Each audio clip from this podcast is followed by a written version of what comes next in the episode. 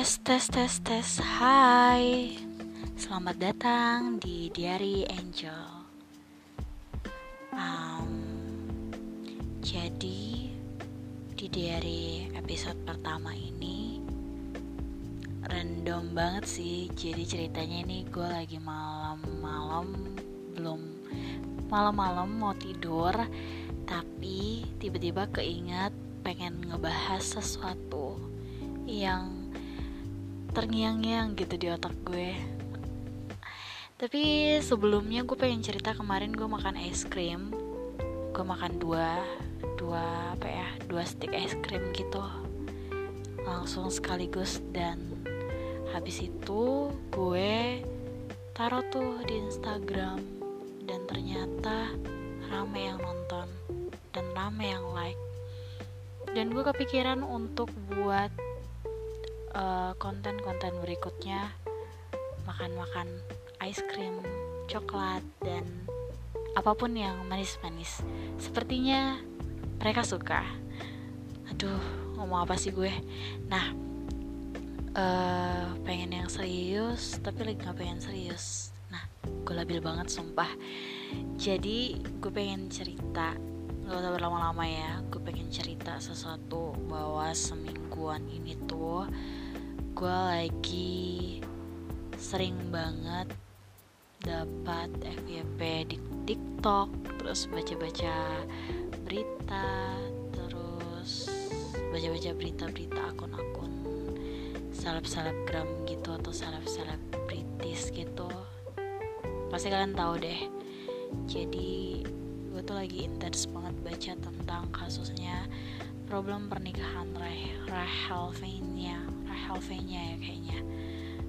Nah di situ gue juga nonton tuh semingguan ini seminggu yang lalu gue juga nonton uh, YouTube-nya Boy William bersama Rahel V-nya.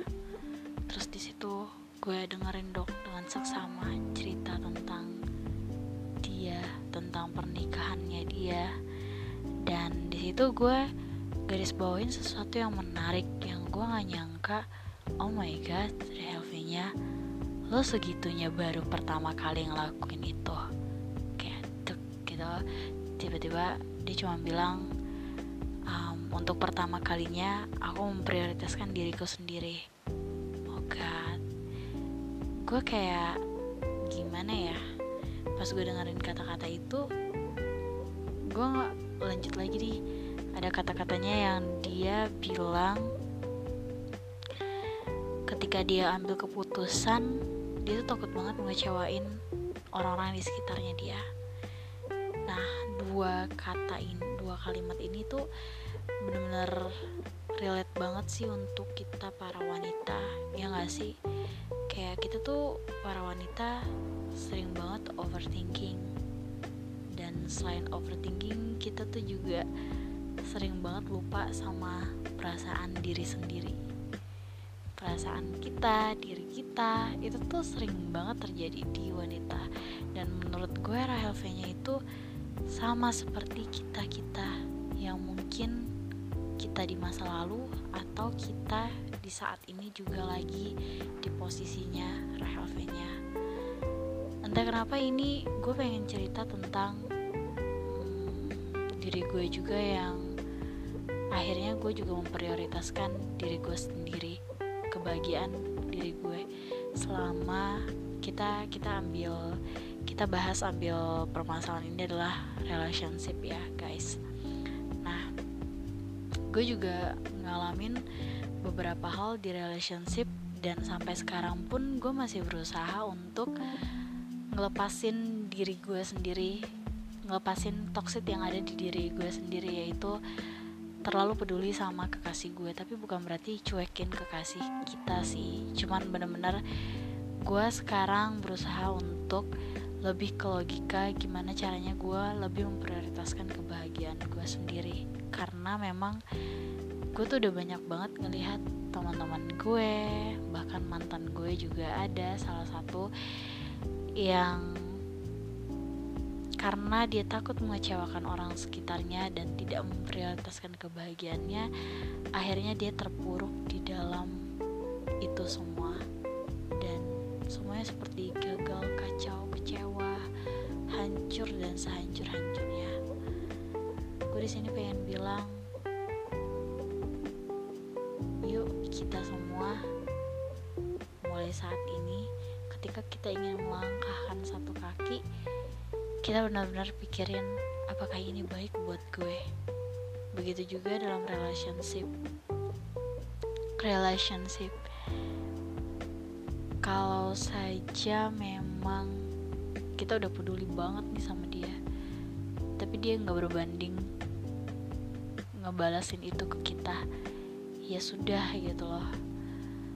Mungkin di sini kita memang harus memperhatikan diri kita sendiri.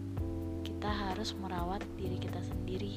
Kita harus melakukan semua hal atas dasar untuk kebutuhan diri sendiri.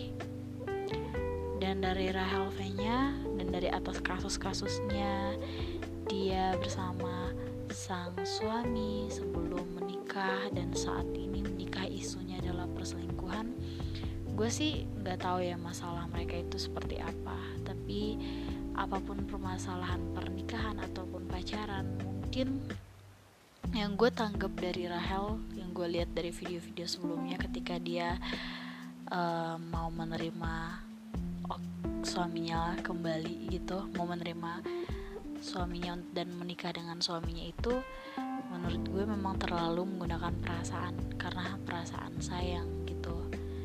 Menurut gue itu memang hal yang udah sering banget dialami oleh kita semua para wanita. Nah karena hal ini jadi kita bisa belajar bahwa ini loh kalau kita terlalu pakai perasaan. Duh gue ngomong apa sih?